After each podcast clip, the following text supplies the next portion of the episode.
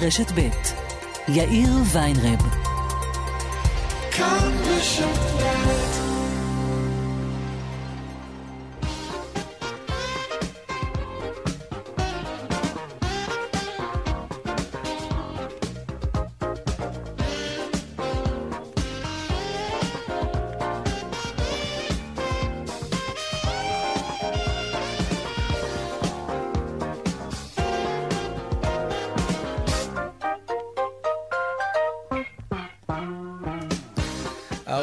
חמש דקות, כאן צבע הכסף ברשת ב' יום רביעי. שלום רב לכם, אוהדים לשמחה, המפיקה איסמדר טל, טכנאי השידור אריאל מור. הדועל של צבע הכסף הוא כסף כרוכית כאן.org.il.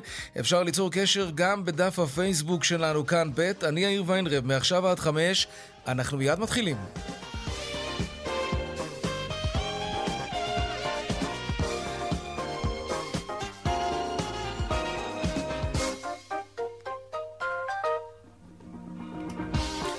כן, פותחים בחותרות צבע הכסף ליום רביעי. במשרד החינוך זועמים על הודעת משרד הבריאות שלא תהיה חזרה ללימודים בכיתות המלאות לאחר חופשת הפסח, אוטוטו, למרות הירידה בתחלואה. שלום לרן חוג'אינוב, כתבנו לענייני חינוך. כן, שלום יאיר, אני משוחח היום עם בכיר במשרד החינוך והוא אומר כולם מסתובבים בחוץ, לא ברור מה ההבדל אה, בין ביטול הקפסולות שמתוכנן לכיתות ג' מיד אחרי חופשת הפסח לכיתות A, ו', ז' וח', הרי כולם בחוץ מתערבבים אחד עם השני, אף אחד לא שומר על הקפסולות. הדרישה שלנו ממשרד הבריאות זה להחזיר לשגרה את כל מערכת החינוך, בעיקר אנחנו דורשים להחזיר את תלמידי י"א וי"ב לכיתות מלאות כדי שיוכלו לחזור ללמוד לבגרויות. Mm-hmm. כרגע זה עדיין לא על הפרק, יצטרכו לחכות. רק אחרי הפסח, לראות מה קורה ורק אולי לשקול הקלות נוספות. זעם מאוד גדול, אנחנו זוכרים כבר כמה פעמים את שר החינוך גלנט מנסה ללחוץ על משרד הבריאות להביא לאיזה שהן הקלות נוספות.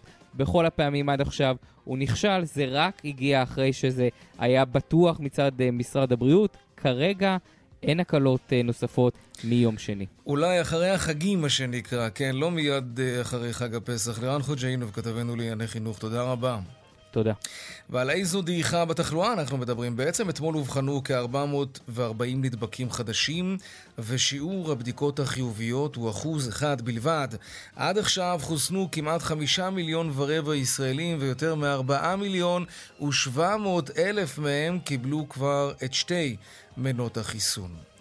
ועוד לגבי החיסונים, יצרנית החיסון מפני הקורונה, פייזר, הודיעה שהיא עשתה ניסוי מוצלח מאוד בחיסון בני נוער, ובשבועות הקרובים היא תבקש מרשויות הבריאות בארצות הברית ובאירופה לאשר שימוש בו גם בקרב ילדים מגיל 12. עוד מעט כתבתנו לענייני בריאות דקלה אהרון שפרן תעדכן לגבי הניסוי הזה. אגב, רוצים לשמוע מה קורה בצרפת עם הקורונה? אז על פי דיווח בבלומברג, צרפת בדרכה לסגר כלל ארצי. כן. בין שאר הצעדים שמתכננים שם זה סגירת בתי הספר והמשך של איסור נסיעות בין האזורים השונים במדינה. הערב גם נשיא צרפת, מקרון, צפוי לשאת דברים. כן, נאום מיוחד לאומה בגלל מה שקורה שם עם הקורונה. בחזרה אלינו הדלק התייקר בחצות ומחירו המרבי של ליטר בנזין 95 אוקטן בשירות עצמי יהיה 6 שקלים ו-4 אגורות, עלייה של 5 אגורות. כתבתנו לענייני כלכלה ליאל קייזר מציינת כי אין שינוי בתוספת לשירות המלא, שהתוספת הזאת עומדת על 21 אגורות לליטר, אם תהיתם. שר הבריאות יולי אדלשטיין אומר כי ההודעה של פייזר היא בשורה נהדרת לאזרחי ישראל. אין מתבקש כעת יותר מאישור מהיר של רכש החיסונים. כזכור, בגלל מחלוקת בממשלה בין נתניהו לגנץ, ישיבת הממשלה לא התכנסה כדי לאשר את רכש החיסונים לסבב הבא, כן, אחרי שהחיסונים האלה כבר לא ישפיעו עלינו, אלו שכבר לקחנו, רובנו. אמ, כן, נמשך גם העומס בחופי הכנרת. באגם הזה, בימה, מבלים כעת יותר מ-20 אלף בני אדם, ובכבישים מסביב יש כמובן עומס. מאיגוד ערים כנרת נמסר כי החופים נפתחים ונסגרים לסירוגין, ומי שמעוניין לבוא אליהם, כמובן שתבוא עליו הברכה, הם אומרים, אבל מומלץ לבדוק אם הם בכלל פתוחים. שלא ייסעו סתם, לא נעים. ויהיה לנו גם את הדיווח משוקי הכספים לקראת סוף השעה, אלה הכותרות, כאן צבע הכסף. אנחנו מיד ממשיכים.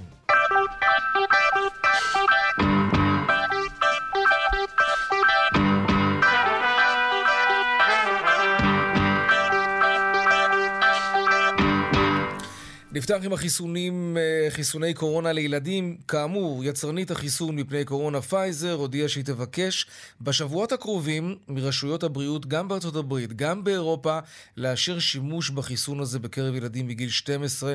שלום דקלה אהרון שפרן, כתבתנו לענייני בריאות.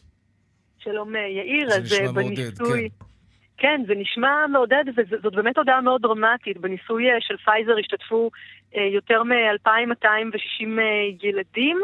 ובתוצאות, אה, קודם כל מי שהיה בקבוצת הבקרה, כלומר שלא קיבל את החיסון, 18 אה, אה, מבין הילדים הללו נדבקו בקורונה, ובקרב מי שקיבלו את החיסון לא היה אפילו מקרה אחד של הידבקות. למרות שמדובר במדגם קטן יחסית של ילדים שנדבקו גם בקרב קבוצת הבקרה, בפייזר אומרים שהתוצאות הללו הן מאוד משכנעות, ושמדובר ביעילות של 100% של החיסון בקרב הילדים, צריך להגיד אולי בני נוער שגילם 12 עד 16. לגבי תופעות לוואי, בפייזר אמרו שהתופעות הללו דומות לאלה שהתגלו בקרב צעירים שגילם 16 עד 25. אה, אנחנו מדברים בעיקר על כאבי ראש וחולשה שנעלמו אחרי פרק זמן קצר בקרב אה, מי שקיבלו את החיסון וסבלו מתופעות אה, לוואי. משמעות ההודעה הזאת היא בעצם שעכשיו מחכים להודעה של ה-FDA. אתה ציינת שפייזר מדברים על הגשה של החיסון לאישור תוך כמה שבועות. Mm-hmm. לאחר האישור הזה, בעצם בארצות הברית מתכוונים לחסן את הילדים, אבל קודם הם צריכים לחסן את האוכלוסייה המבוגרת.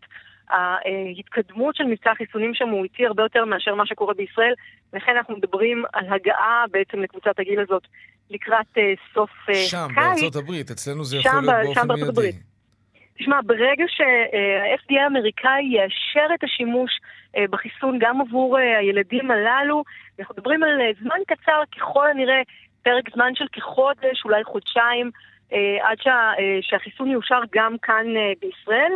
מדובר בכ-600 אלף בני נוער שגילם 12 עד 16 כאן יש בארץ. יש לנו את הכמות, דקלה? כלומר, עכשיו כשמדברים על רכש חיסוני חדש, וזה מתעכב, אנחנו יודעים, מסיבות פוליטיות, אבל בהנחה ש...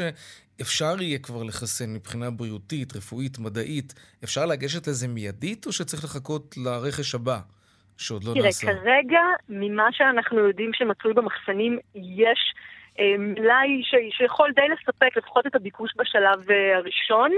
אה, במשרד הבריאות אה, מתעקשים לומר שוב ושוב שלמרות שיש חיסונים בארץ, עדיין זה מאוד חשוב כבר עכשיו אה, לחתום על ההסכמים הללו ולסכם, כפי שגם ציינת, עם פייזר על הרכש של החיסונים הנוספים. נכון עכשיו, אבל גם ברגע שהחיסון יאושר, לא צפוי להיות מחסור לפחות בשלב mm-hmm. הראשון. ובאמת, גם באיגוד לרפואת ילדים אומרים ש... כשה-FDA ייתן, ייתן את האישור ומשרד הבריאות הישראלי, גם באיגוד, יצטרפו למבצע הזה לחיסון אה, ילדים אה, בגילי 12 עד 16. Mm-hmm. ועוד מילה אחת, יאיר, אנחנו מדברים עכשיו על קבוצת הגיל הזאת, ופייזר ומודרנה כבר בודקות בימים אלה את החיסון גם בקרב ילדים צעירים יותר, שגילם 5 עד 11. התוצאות צפויות תוך כמה חודשים. זה ממש אה, ניסיון לחסן הרמטית את כלל האנושות, כך זה נראה לפי, לפי חתכי הגיל שבהם מנסים את הניסוי הזה. ממש כך, ותראה, אה, יאיר, אנחנו נמצאים כאן בישראל באמת במצב הרבה יותר טוב מאשר רוב מדינות העולם. כן. אה, סוכנות הידיעות בלומברג שבוע שעבר אה, הודיע שישראל כבר נמצאת במקום החמישי בעולם בדירוג של המדינות הבטוחות מבחינת אה, התחלואה בקורונה.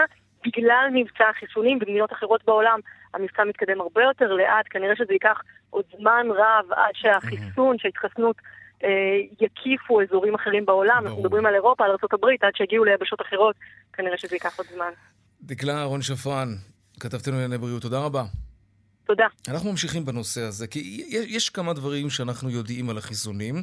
הם הורידו באופן דרמטי את שיעורי התחלואה בארץ וגם את שיעורי ההדבקה, זאת עובדה. אנחנו רואים את המספרים. אנחנו שומעים עכשיו שבקרוב, ככל הנראה, גם יתחילו לחסן ילדים, והניסויים היו מאוד מוצלחים. ולמרות ההצלחה המסחררת, יש עדיין לא מעט סימני שאלה. באופן טבעי, צריך לומר, לא ברור עדיין אם יש לחיסונים האלה תופעות לוואי ארוכות טווח. אבל לפחות בארץ, רוב הציבור חושב שהסיכון הוא מחושב, כי הנגיף יותר מסוכן מהחיסון. וגם הערכות של אנשי מקצוע ומומחים היא שאין סיכון בחיסון הזה, גם לא לטווח ארוך. כך או כך, יש עדיין את מתנגדי החיסונים. אלה שבוחרים לא להתחסן, ובהם אנחנו נעסוק עכשיו, במתנגדי החיסונים. כמה רעש יש סביבם.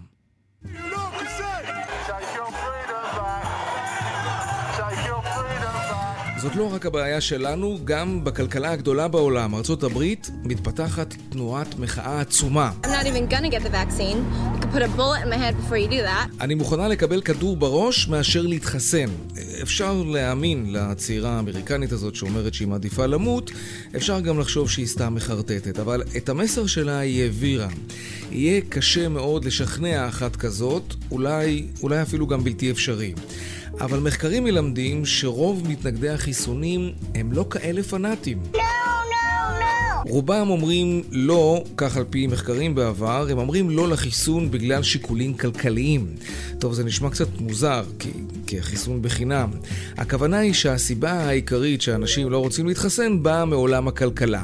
וזאת בדיוק אותה הסיבה למה רובנו לא קופצים על הזדמנות בעבודה, כי אנחנו לא יודעים אם היא באמת, באמת, באמת הזדמנות טובה, או בעצם דווקא הזדמנות רעה, אנחנו פוחדים. רובנו גם נוותר על עסקה טובה, כי פחדנו שבסוף היא תהיה רעה ותתפוצץ לנו בפרצוף, ואפילו אנחנו פוחדים להיכנס או לצאת מהבורסה בזמן הנכון, כי אנחנו פוחדים. הכל מאותה סיבה.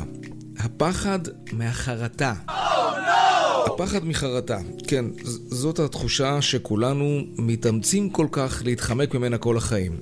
אוקיי, אבל איך היא קשורה, איך החרטה קשורה לקורונה? מה הקשר, יואו? וואלה, היא קשורה. הסיפור שלנו מתחיל בשנות התשעים. חיסונים נגד מחלה אחרת היו אז בכותרות, חיסונים נגד שפעת. אנחנו מדברים על 30 שנה אחורה בזמן, שנות ה-90 של המאה ה-20, שנים שבהם חיסוני שפעת הפכו מאוד זמינים לאוכלוסייה הכללית, ואז גם המדינות עודדו את הציבור להתחסן, אלא שגם אז הציבור שאל שאלות. אה, סליחה. אני רק שאלה. מה זה בדיוק החיסון הזה? מה יש שם בפנים? איך אנחנו יודעים שהוא עובד, ושחס וחלילה החיסון הזה לא יהרוג אותנו? מאוד מאוד דומה לשאלות שעולות היום לגבי חיסוני קורונה. שלום פרופסור יוסי אסעור, מומחה בתורת ההחלטות. שלום יאיר. בוא נדבר על מה גרם אז ומה גורם היום לאנשים לא להתחסן. האם זה רק הפחד שהחיסון לא בטוח? אחד ההסברים אה, למה אנשים לא מתחסנים זה התיאוריה של החרטה. החרטה כשעושים משהו אקטיבי היא הרבה יותר גדולה ממה שעושים משהו פסיבי.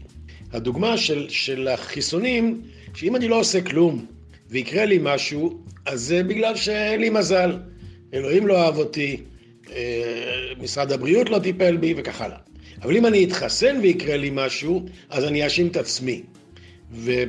אחת הסיבות שאנשים לא מתחסנים זה בכדי שיוכלו להאשים אחרים ולא את עצמם, שלא יתחרטו. אז כלומר, אנשים עשויים להבין שהחיסון משפר את הסיכוי שלהם לא להיפגע משפעת או קורונה, ובכל זאת, למרות זאת, הם יימנעו מלקבל החלטה אקטיבית כמו להתחסן, רק כדי שהם לא ימצאו את עצמם בסופו של דבר מתחרטים? זה העניין? יש מחקר שנעשה בארצות הברית, ישראלית, אילנה ריטו וג'ון ברון, שהם ראו שאנשים לא, לא מתחסנים למרות שהסיכוי, בדוגמה שמדובר במחקר ההוא, היה למות מהמחלה אחד לאלף ולהינזק מהחיסון אחד לעשרת אלפים. כלומר, פי עשרה הרבה יותר מסוכן לא להתחסן, מה שכן להתחסן, אבל לא להתחסן זה פסיבי, וכן להתחסן זה אקטיבי. קוראים לזה בכלכלה ההתנהגותית הטיית אי העשייה, doing nothing, avoiding bias.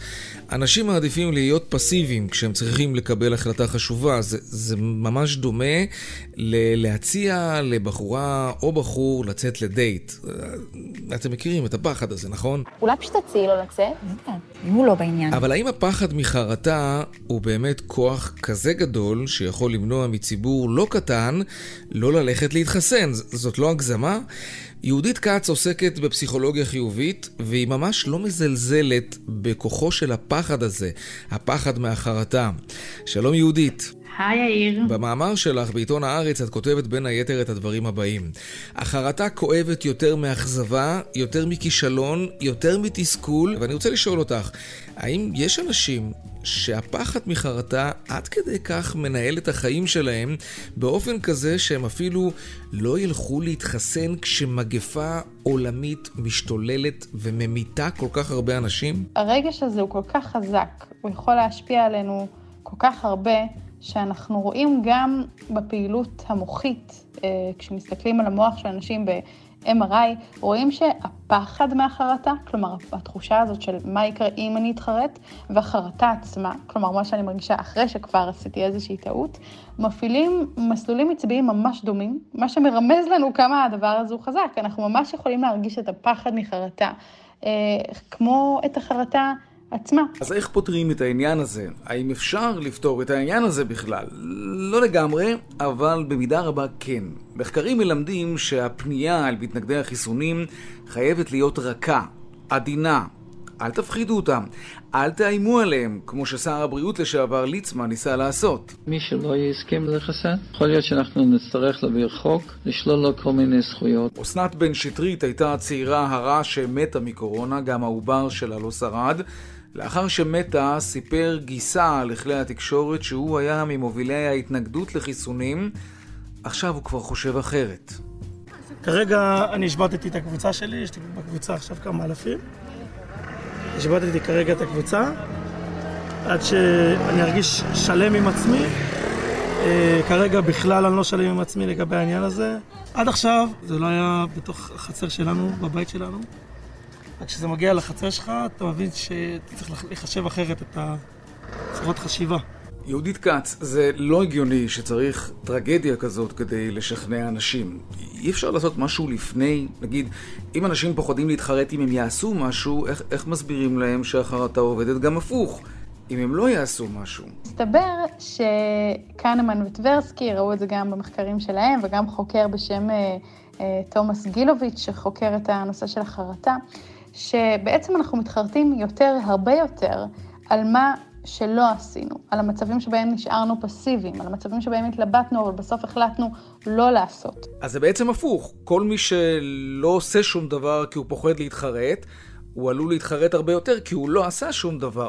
זה מדעי? בעצם המוח שלנו הוא סוג של מספר סיפורים, ובכל דבר שאנחנו עושים, יש לו מה להגיד, יש לו הסברים. נגיד, ניסיתי להיות חברה של אה, מישהי, או אפילו להציע לאיזשהו בחור לצאת, וזאת הייתה טעות נוראית, וזה הוביל להשלכות מטורללות בחיים שלי ולטלנובלה שלמה. אני עדיין יכולה לספר לעצמי סיפור, יש לי חוויה. אני יכולה להגיד, בזכות זה למדתי לזהות שאנשים הם כאלה וכאלה, ולמדתי איך, לזה, איך ליצור קשרים יותר עמוקים.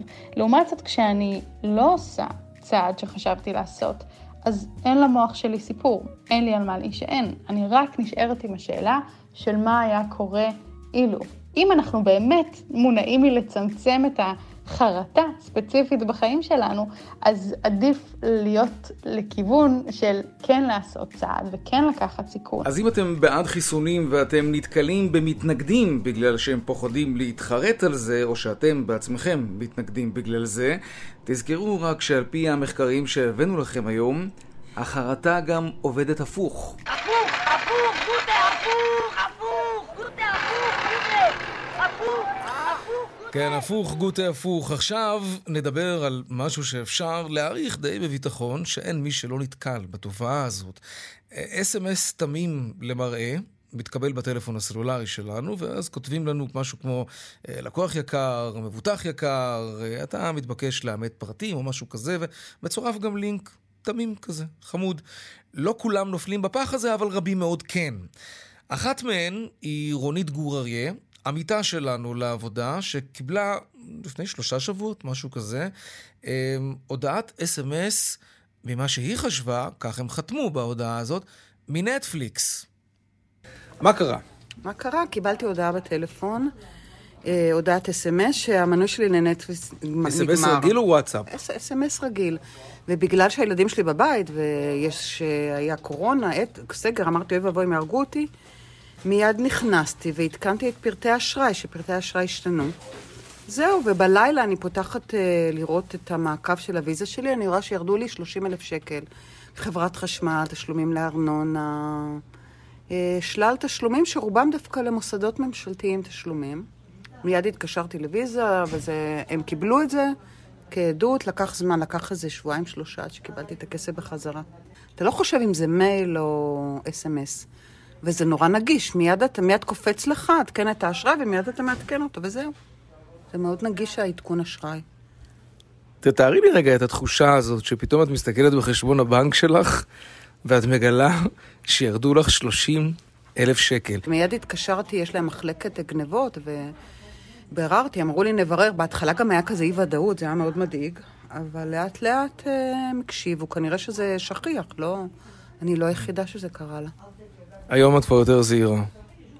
אוי ואבוי, אסרו עליי אה, לפתוח כל הודעה, אני לא פותחת שום הודעה. שלום, אתר אליאס, מומחה לשיווק באינטרנט. שלום. תראה, הדרך הכי פשוטה היא פשוט לא ללחוץ על לינקים שמגיעים בסמארטפון, אבל מצד שני זה קצת היסטרי להתנהל ככה, לא? בטוח אפשר ללמוד איך לחיות עם הניסיונות האלה להפיל אותנו בפח.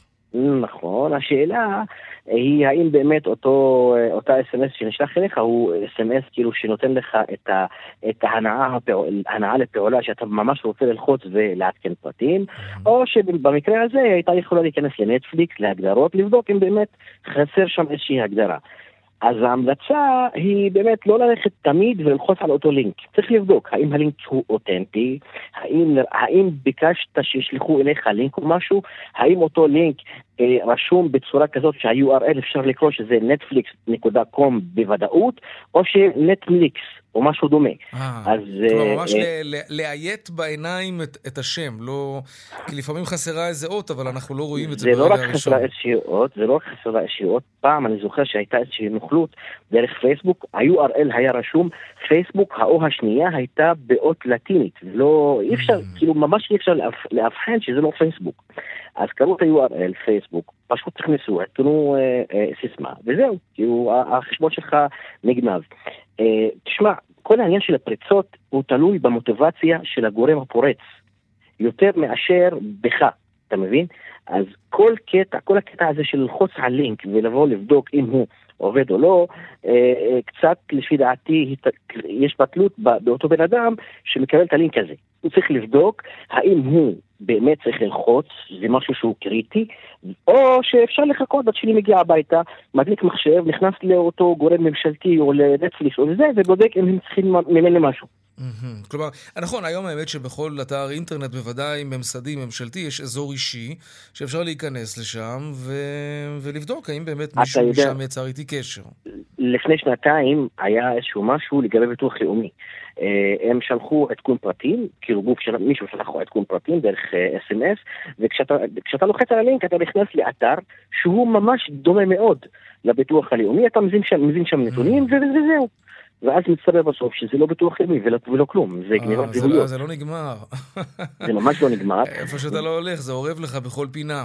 אז אתה יודע מה, בוא ננסה בכל, תראה, אי אפשר כמובן להיות הרמטיים לחלוטין ולהימנע מזה כנראה לצער הלב, אבל בוא ננסה לגבש איזה שניים, שלושה כללי ברזל לגבי לינקים שמגיעים אלינו אה, לסמארטפון, ולפעמים גם אה, זה מלווה באיזושהי הודעה די מרתיעה. אה, משהו כמו החשבון שלך נפרץ, אנא לחץ מהר ועדכן את סיסמתך או משהו כזה.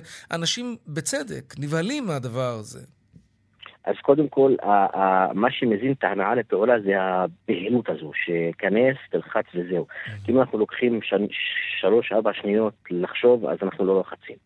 אה, אפשר, אפשר לפתור את זה בצורה הרמטית, אבל הבעיה שזה יחסוך ממך לקבל הודעות בכלל. כאילו אתה יכול להיכנס להגדרות, ואתה יכול להגדיר לו ביטויים מסוימים, אני לא רוצה לקבל הודעות כאלה. כמו מה למשל? אילו ביטויים? אתה יודע מה, אולי, אולי לאנשים מבוגרים שהם לא כל כך טכנולוגיים זה דווקא רעיון מצוין.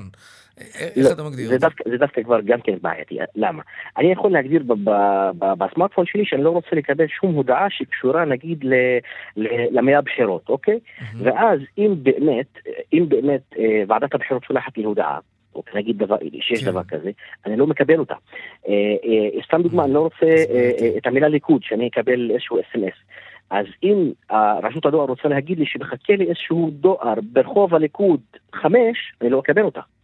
אז בעצם כל העניין הזה של להיות זהיר ולא ללחוץ בבהילות הוא, הוא המשכיח כדי לפתור בעיות כאלה. אז קודם כל לקחת אני, אוויר, לא להגיב בהיסטריה. לא רק, אני מאמין שהפתרון הוא נתון בחוק וברגולציה.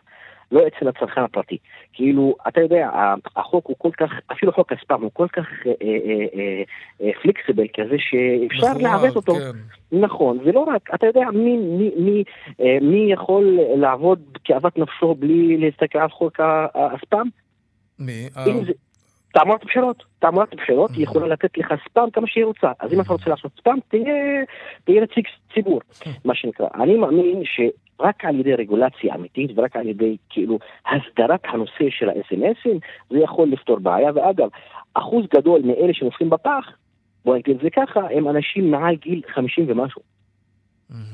שאין להם, את, הטכנולוגיה, אין להם את החוש הטכני ללחוץ ולבדוק וזה וזה, ואגב, אה, כל העניין של הנוכלות הוא לא זה, יש מצבים זה, זה תלוי גם כן במוטיבציה של השולח, לא של האובייקט. Mm-hmm. יש מצבים, אם אתה לוחץ על לינק, זה אמיתי, זה שולף לך את כל הדאטה מה, מהטלפון, זה לא, זה לא סיפורים. אוקיי? זה... ברור. אגב, אז, זה יכול אז... לקרות גם אם אתה מוריד תמונה? אם אתה מוריד תמונה. עכשיו, אתה שואל את השאלות ש, שבהן אין, זה תחום אפור, אין בהם אה, אה, כללים. זה, זה, זה, זה באמת, זה תלוי מי הגורם שרוצה לתקוף את האובייקט, כן. נכון. זה שני דברים שונים לגמרי.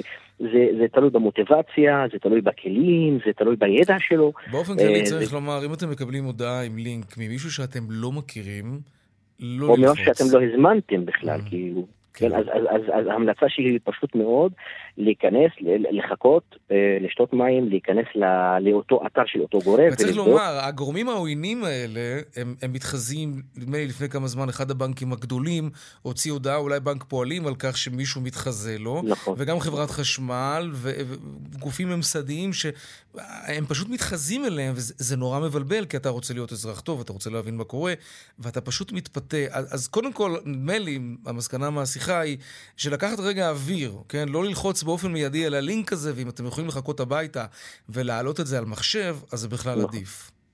או לא רק על מחשב, להיכנס, לנסות להיכנס לאותו גורם ששלח לך את ההודעה, דרך האתר הרשמי שלו, לאזור, כן. לאזור האישי שלך ולבדוק. אגב, כל החור הזה הוא, הוא, הוא פשוט מאוד בהגדרות. אתה, סתם דוגמה, בבחירות שלחו הודעות מטעם מיר רגב. מטעם השרה מירי רגב, והיא פשוט מאוד, לא, זה, זה פייק ניוז, אממ, זה דברים לא שהיא לא שלחה. כן. נכון, פשוט השתמשו במספר שלה. ואז אז זה, זה, זה, זה, כל ה, זה כל הבלאגן. ההמלצה שלי היא תחכו בסבלנות, אפילו אם רשמו לכם שם החשבון שלך נפרץ, אם הוא באמת נפרץ, אז לא ישלחו, לא ישלחו, לא ישלחו הודעה, הוא נפרץ. מה שצריך לעשות זה לחכות, להיכנס לאותו גורם דרך האתר הרשמי שלו, לאזור מנויים שלך, ואז לבדוק אם באמת הם צריכים משהו, עדכון כרטיס אשראי, עדכון פרטים, עדכון דברים כאלה, אז באמת אפשר לעשות, לוודאות שאתה נמצא באתר הרשמי של אותו גורם. זה יכול להיות, אגב, גוגל, לא מזמן שמענו על נוכלות לגבי חברת חשמל, ששלחו כן. אס.אם.אסים ואימיילים, אני חושב. כן, של עדכון פרטים. נכון. כן. נכון, זה אותו, זה אותו דבר. מטר אליאס, מומחה לשיווק באינטרנט, תודה רבה לך על השיחה הזאת. תודה גם לך. להתראות. ביי. דיווחי תנועה עכשיו, כן, בדרך 92 לכיוון דרום יש עומס מקיבוץ האון עד צומת צמח, ולכיוון צפון מצומת מעלה גמלה עד אה, צומת יהודיה. בדרך 6 צפון העומס מ... באזור מחלף בית קמה. כל האזור הזה פקוק, וגם ממחלף קסם עד מחלף אייל וממחלף בקה עד יוקנעם עילית. דרומה יש עומס ממחלף יוקנעם עד מחלף תות וממחלף uh, מאחז עד מחלף בית קמה, ובדרך החוף צפונה עמוס מאוד ממחלף נתניה עד מכמורת ודרומה ממחלף קיסריה עד מחלף חבצלת. עם ישראל בדרכים, עם ישראל בכבישים. וזה בא לידי ביטוי בדיווחי התנועה שלנו. עדכוני תנועה נוספים בכאן מוקד התנועה, כוכבי 9550 ובאתר שלנו, אתר התאגיד אתר כאן. הפסקת פרסומות קצרה, ממש, ואנחנו מיד חוזרים עם שאלת השאלות. אי, אה, יש הרבה שאלות כאלה, אבל האם, מה עדיף? רכב חדש או רכב משומש? למי מכם שמתלבט עכשיו בשאלה הזאת? כבר חוזרים. כן, 36 דקות אחרי השעה 4 עכשיו נדבר על שוק הרכב. הוא מתאושש אחרי שהוא חטף מכה קשה ב-2020, בגלל קורונה כמובן.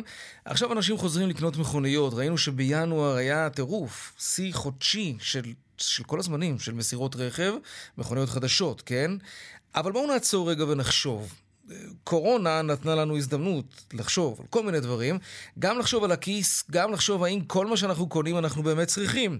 האם קנייה של רכב חדש עם הניילונים והריח הממכר הזה שם בפנים, האם זהו מהלך כלכלי נכון?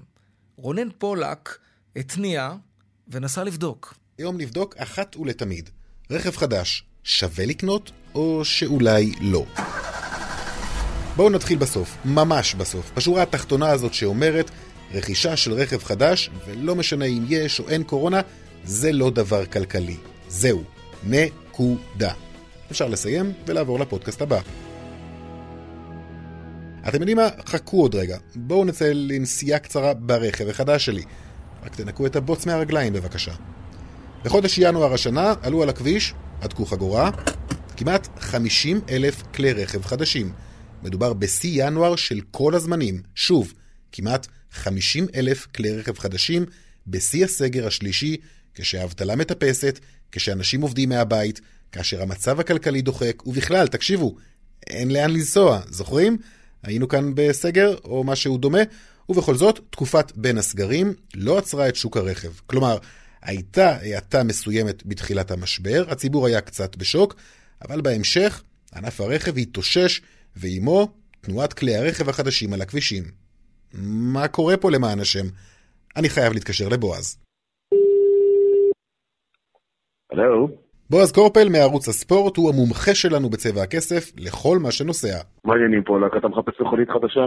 אמ, מתלבט, אבל בינינו בועז, בכל זאת, אתה יודע, יש את העניין הזה של ירידת הערך, לא? אתה בוודאות מאבד ערך על המכונית שלך משהו כמו איזה עשרה אחוז ברגע שחתמת על ההזמנה, ועוד קצת כשהתנעת אותה, ואחר כך, ככל שהזמן חולף אה, והולך, תסתכל במכרונים של לוי יצחק, אתה רק מאבד עד 35 אפילו 40 אחוז אחרי שלוש שנים.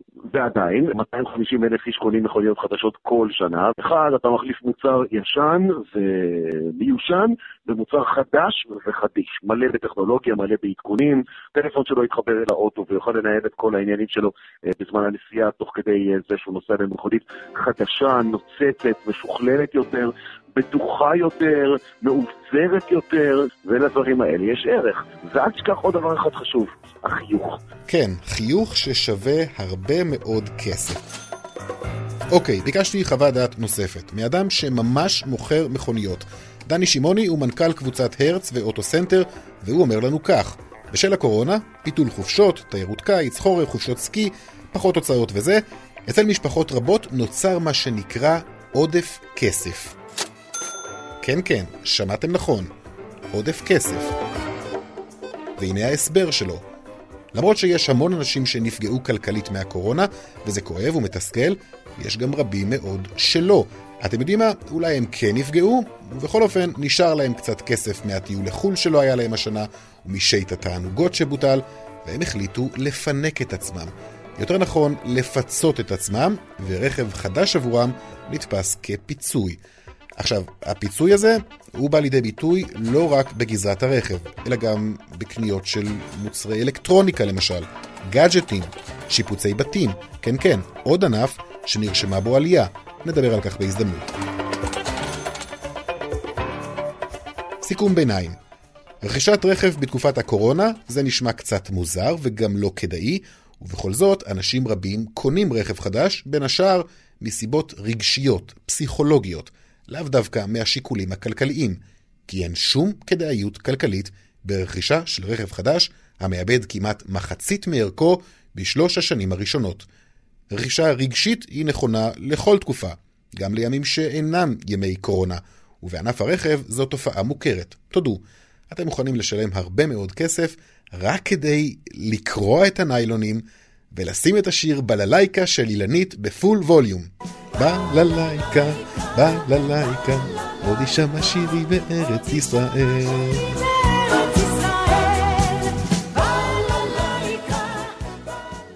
יש עוד סיבות לרכישת רכב חדש.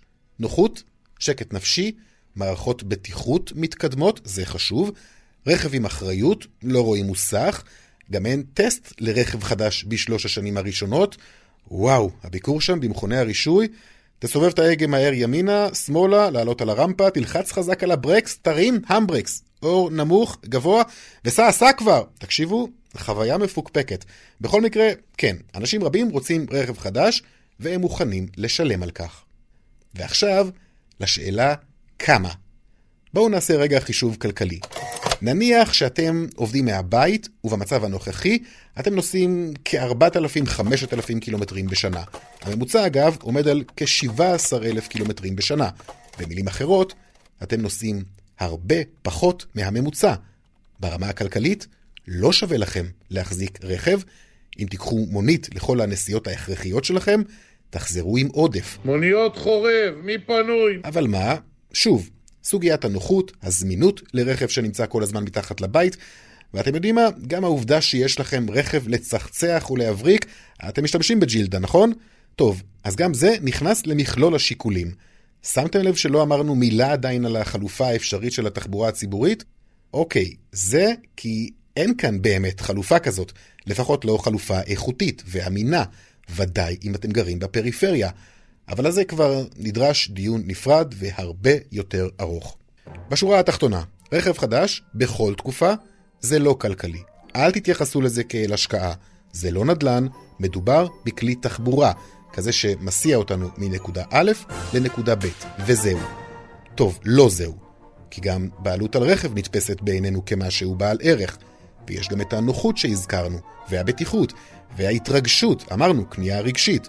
לגיטימי מאוד במכלול השיקולים שלכם. זהו, צאו בזהירות, תתחדשו, המפתחות בפנים. ביי.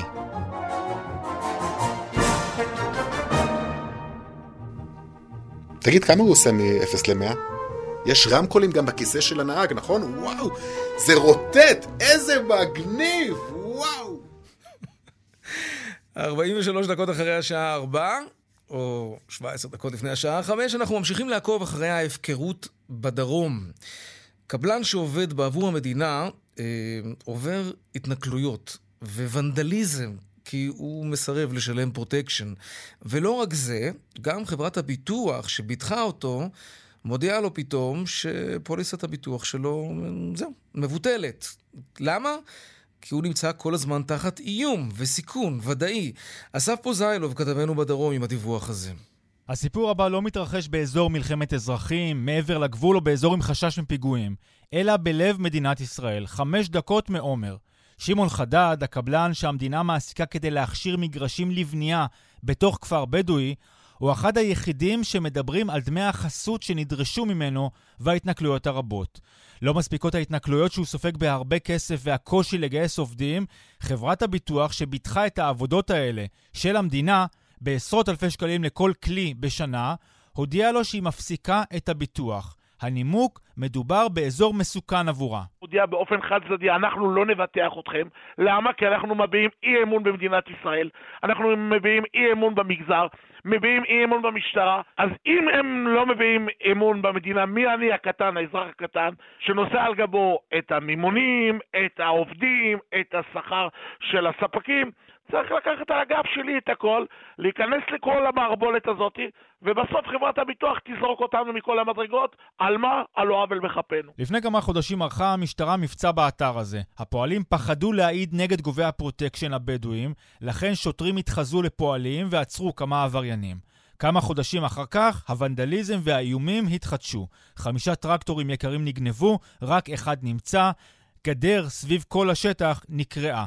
וכעת כאמור, מכה נוספת, הביטוח מסרב להמשיך לבטח. אם חברת הביטוח תזרוק אותנו ולא תיתן לנו מענה, אז זה הולך להתפרש לשני דברים. אחד, שלא נקבל מימון לא מחברות הבנקים ולא נקבל מימון לרכישת ציוד מהספקים ומהיבואנים. שתיים, זה יקדם אותנו חזרה לחזור לימי השחור ולשלם למשפחות הבדואיות כדי שישמרו לנו על הציוד ועל הכלים. שמעון הוא הקבלן היהודי היחיד שעובד עבור המדינה במגזר הבדואי. כשזוכים במכרזים הגדולים האלה יהודים, הם לוקחים קבלן משנה בדואי שינהל בשטח. מדובר בחברת תשתיות מאוד גדולה, אליקים בן ארי, אבל חברת הביטוח מגדל בחרה להפסיד את דמי הפוליסה הגדולים. משיחה עם גורמים שמכירים את הנושא, בחמש השנים האחרונות היו הרבה תקיפות של קבלנים שעובדים עבור המדינה, אבל מקרה שבו חברת הביטוח הפסיקה לבטח לא היה מוכר.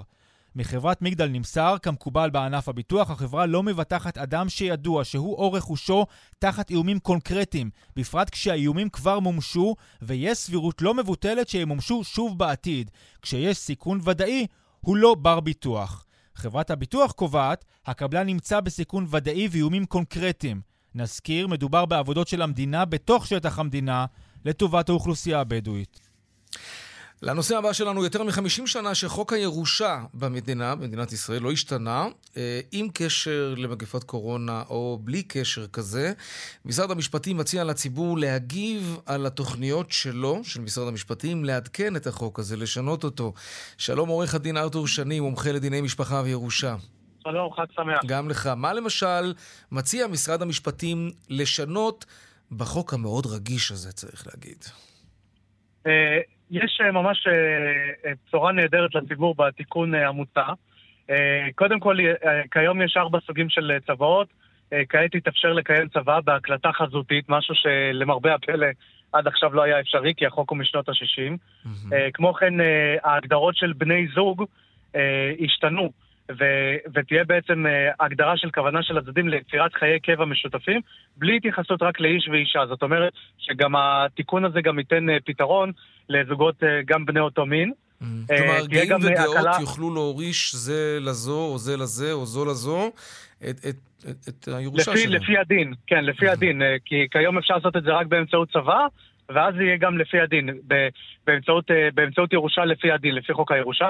כמו כן, כיום יש, אה, יש אה, שלוש פרנטלות של הורשה. פרנטלות זה סבבי הורשה, זאת אומרת, למשל, בני זוג, מתי שהם, אחד מהם נפטר, אז בן הזוג השני יורש, אם אין בן זוג אז זה הולך לילדים, ואם אין ילדים או סבים וסבתות, אז זה הולך למדינה. אוקיי? אז הפרנטלה הנוספת תהיה פרנטלה של, של חתנים רגע, וכלות, לא, לא שזה פעם ראשונה. אני מבין ולא בטוח שאחרים כל כך... ת, תסביר שוב פעם את מה שאמרת. אני אסביר. היום לפי חוק הירושה, כן. אה, מי שאין לו צבא, אה, מורישים לפי חוק הירושה. חוק הירושה אומר שבן אדם שנפטר ויש לו בן זוג, יורש אותו בן זוגו. כן. אם אין, אין בן זוג, יורשים הילדים. אה, אם אין ילדים, אז זה סבא וסבתא, ואם גם את זה אין, אז המדינה. אוקיי. Okay. Okay? עכשיו, בחוק החדש הוסיפו עוד אופציה, ופעם ראשונה שיש אה, בדין הכרה בזה שגם כלות וחתנים הם, אה, הם בני משפחה, mm-hmm. ו, ועכשיו הם האופציה הרביעית להורשה, ורק אחרי זה אה, המדינה. המדינה. האפוטרופוס כן, הכללי. עכשיו עוד דבר, כן. עכשיו עוד דבר, בחוק הקיים זה המקום היחידי ש, ש, שמוכרת בו רב הורות, זאת אומרת שיש עורך הדין שני? עורך הדין ארתור שני? הוא יורש גם את הוריו המאמצים? נעלמת לנו, נעלמת לנו ב-15 שניות האחרונות. אוקיי, אני אומר, אני אומר ש, שהחוק, חוק הירושה כיום, זה החוק היחידי שמכיר רב הורות בעניין של ילדים מאומצים. ילדים מאומצים, הם יורשים גם את ההורים המאמצים שלהם mm-hmm. וגם את ההורים הביולוגיים. Uh, בדרך כלל uh, אין כל כך מה לרשת, אבל, אבל כרגע משפטית הם יורשים פעמיים. וכרגע בתיקון לחוק הזה יש בעצם ניתוק של הזיקה בין הילד המאומץ לבין ההורים הביולוגיים. הוא יירש רק את הוריו המאמצים. Mm-hmm. זה עוד, עוד דבר שיש שם. מה זו, מה זו אה, הורות, אה, הורות טכנולוגית? ככה, כשהלעלתי בהערות לציבור, אז נתקלתי במונח הזה, הורות טכנולוגית. מה זה בדיוק? הורות טכנולוגית אה, זה הורות בעצם הושגה באמצעי, לא, לא, לא הורות, לא הורות אה, באמצעות אה, הזרעה רגילה. מה, ש, מה שרגילים, אלא בדברים ש, שבעצם עושים שימוש אה, בכל מיני עזרים טכנולוגיים. אז למשל, ילד שנולד בעזרת אמצעים טכנולוגיים אה, אה, מזרעו של אביו אה, אחרי שהאבא מת, אוקיי? Mm-hmm. יוכל לרשת את אביו. זאת אומרת, למשל, דוגמה, אנחנו שומעים לפעמים בחדשות שיש אה, נגיד ילד שנפל אה, בצבא, לא עלינו, ואז שאבו זרע מן המת, ואחר כך נולד אה, ילד, ויכול להיות ש, של, שלאותו אדם שנפטר יש רכוש. אוקיי? אז למרות שזה משהו שהוא קדם בזמן, זאת אומרת, האבא שנפטר נפטר, נפטר לפני כן, בכל זאת אותו ילד יוכל לקבל את הרכוש שהיה על שם אביו. אוקיי, זה גם עוד אופציה, שזה מאוד אה, פיקנטי, אבל האמת שזה די אזוטרי. Mm-hmm. והדבר שלדעתי הוא מאוד מאוד חשוב, זה, זה זה שבעצם תהיה הקלה על בתי המשפט לענייני משפחה. בתי המשפט לענייני משפחה הם uh, מטפלים uh, בכל הסכסוכים של הירושות והעזבונות, uh, והיום יש uh, יותר ויותר סכסוכים כאלה, כי, uh, כי החברה הישראלית uh, uh, צברה הון ביחס לשנים שבהם uh, נחקק החוק הזה. ובעצם כרגע החוק הזה מציע להעביר הרבה מהסמכויות שכיום זה רק בסמכות בית המשפט, לרשם הירושה, שכיום הוא רק mm-hmm. סמכות מאוד מאוד טכנית. Okay. אוקיי. אז זה יוריד את העומס מבתי המשפט, אה, כי בתי המשפט לענייני משפחה, בעניינים של עיזבון לוקח להם הרבה זמן לדון, כי זה פחות חשוב להם למשל מעניינים של ילדים ומשמורת וכולי. Oh. טוב, אה, זה, זה נשמע כמו, כמו אה, כיוון מצוין, נראה מה הציבור יגיב ונראה איזו החלטה בסופו של אה, דבר. נכון, אבל לפני שבכלל זה ייכנס לתוקף, אז אה, צריך למנות שר משפטים. מה, טוב, זה כבר תלוי גם בפלונטר הפוליטי. נכון. כן. עורך הדין ארתור שני, מומחה לדיני אה, משפחה וירושה, אה, לא עלינו מה שנקרא, אבל אם כבר קורה... אז לפחות שנדע לעשות את הכי טוב שיש. תודה רבה. ושיהיה מסודר, בבקשה. ושיהיה מסודר, בדיוק. תודה. עכשיו לדיווח משוקי הכספים.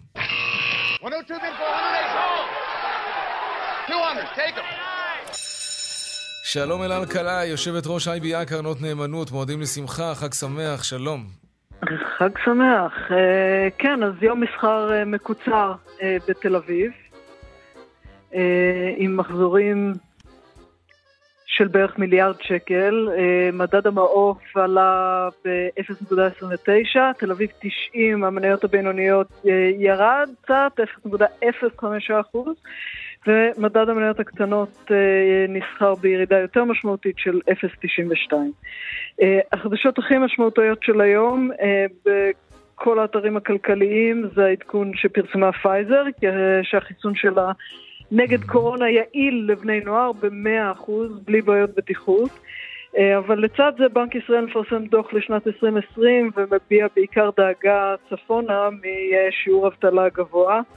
אז אה, מצד אחד יוצאים מהקורונה ומצד שני חזרה לעבודה, אבל לא של כולנו. בזירת הדוחות הכספיים, הדוח הדרמטי ביותר שפורסם היום הוא של קבוצת דלק. שפרסמה הפסד של 1.9 מיליארד שקל על הפעילות ב-2020, והמניה הגיבה בירידה כמובן, mm-hmm. ירדה עד 10% במהלך המסחר, ואחרי זה קצת התמתן. בארצות הברית אה, נפתחה במגמה חיובית, ה-S&P בעלייה של 0.4%, הדאו בעלייה של 0.2% והנסדק בעלייה של סביב האחוז.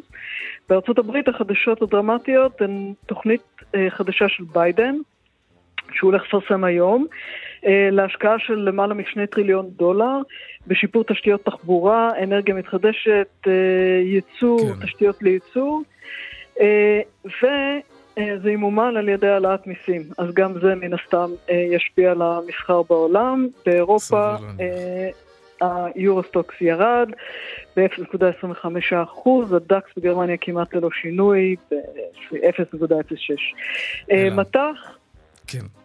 שער אה, הדולר 3.345 אה, והיורו שקל ברמה של 3 שקלים ו-92 אגורות. אלה אלקלעי, יושבת ראש אה, IBI קרנות נאמנות, תודה רבה לך. יום טוב. ביי.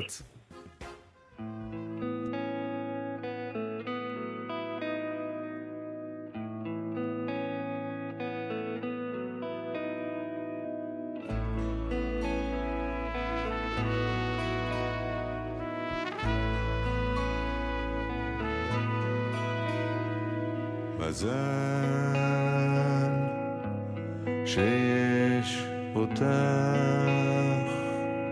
תמיד את מנגנת, תמיד שלמה עם עצמך, ברוך את מלטפת את מיתרי אהבתך, איזה מזל.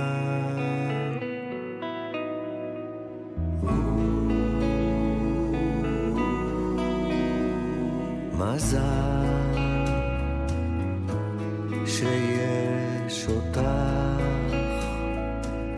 את מבינה אותי, ואת מראה לי את עצמי, מתלהב כמו ילד, מתפנק בך, ואז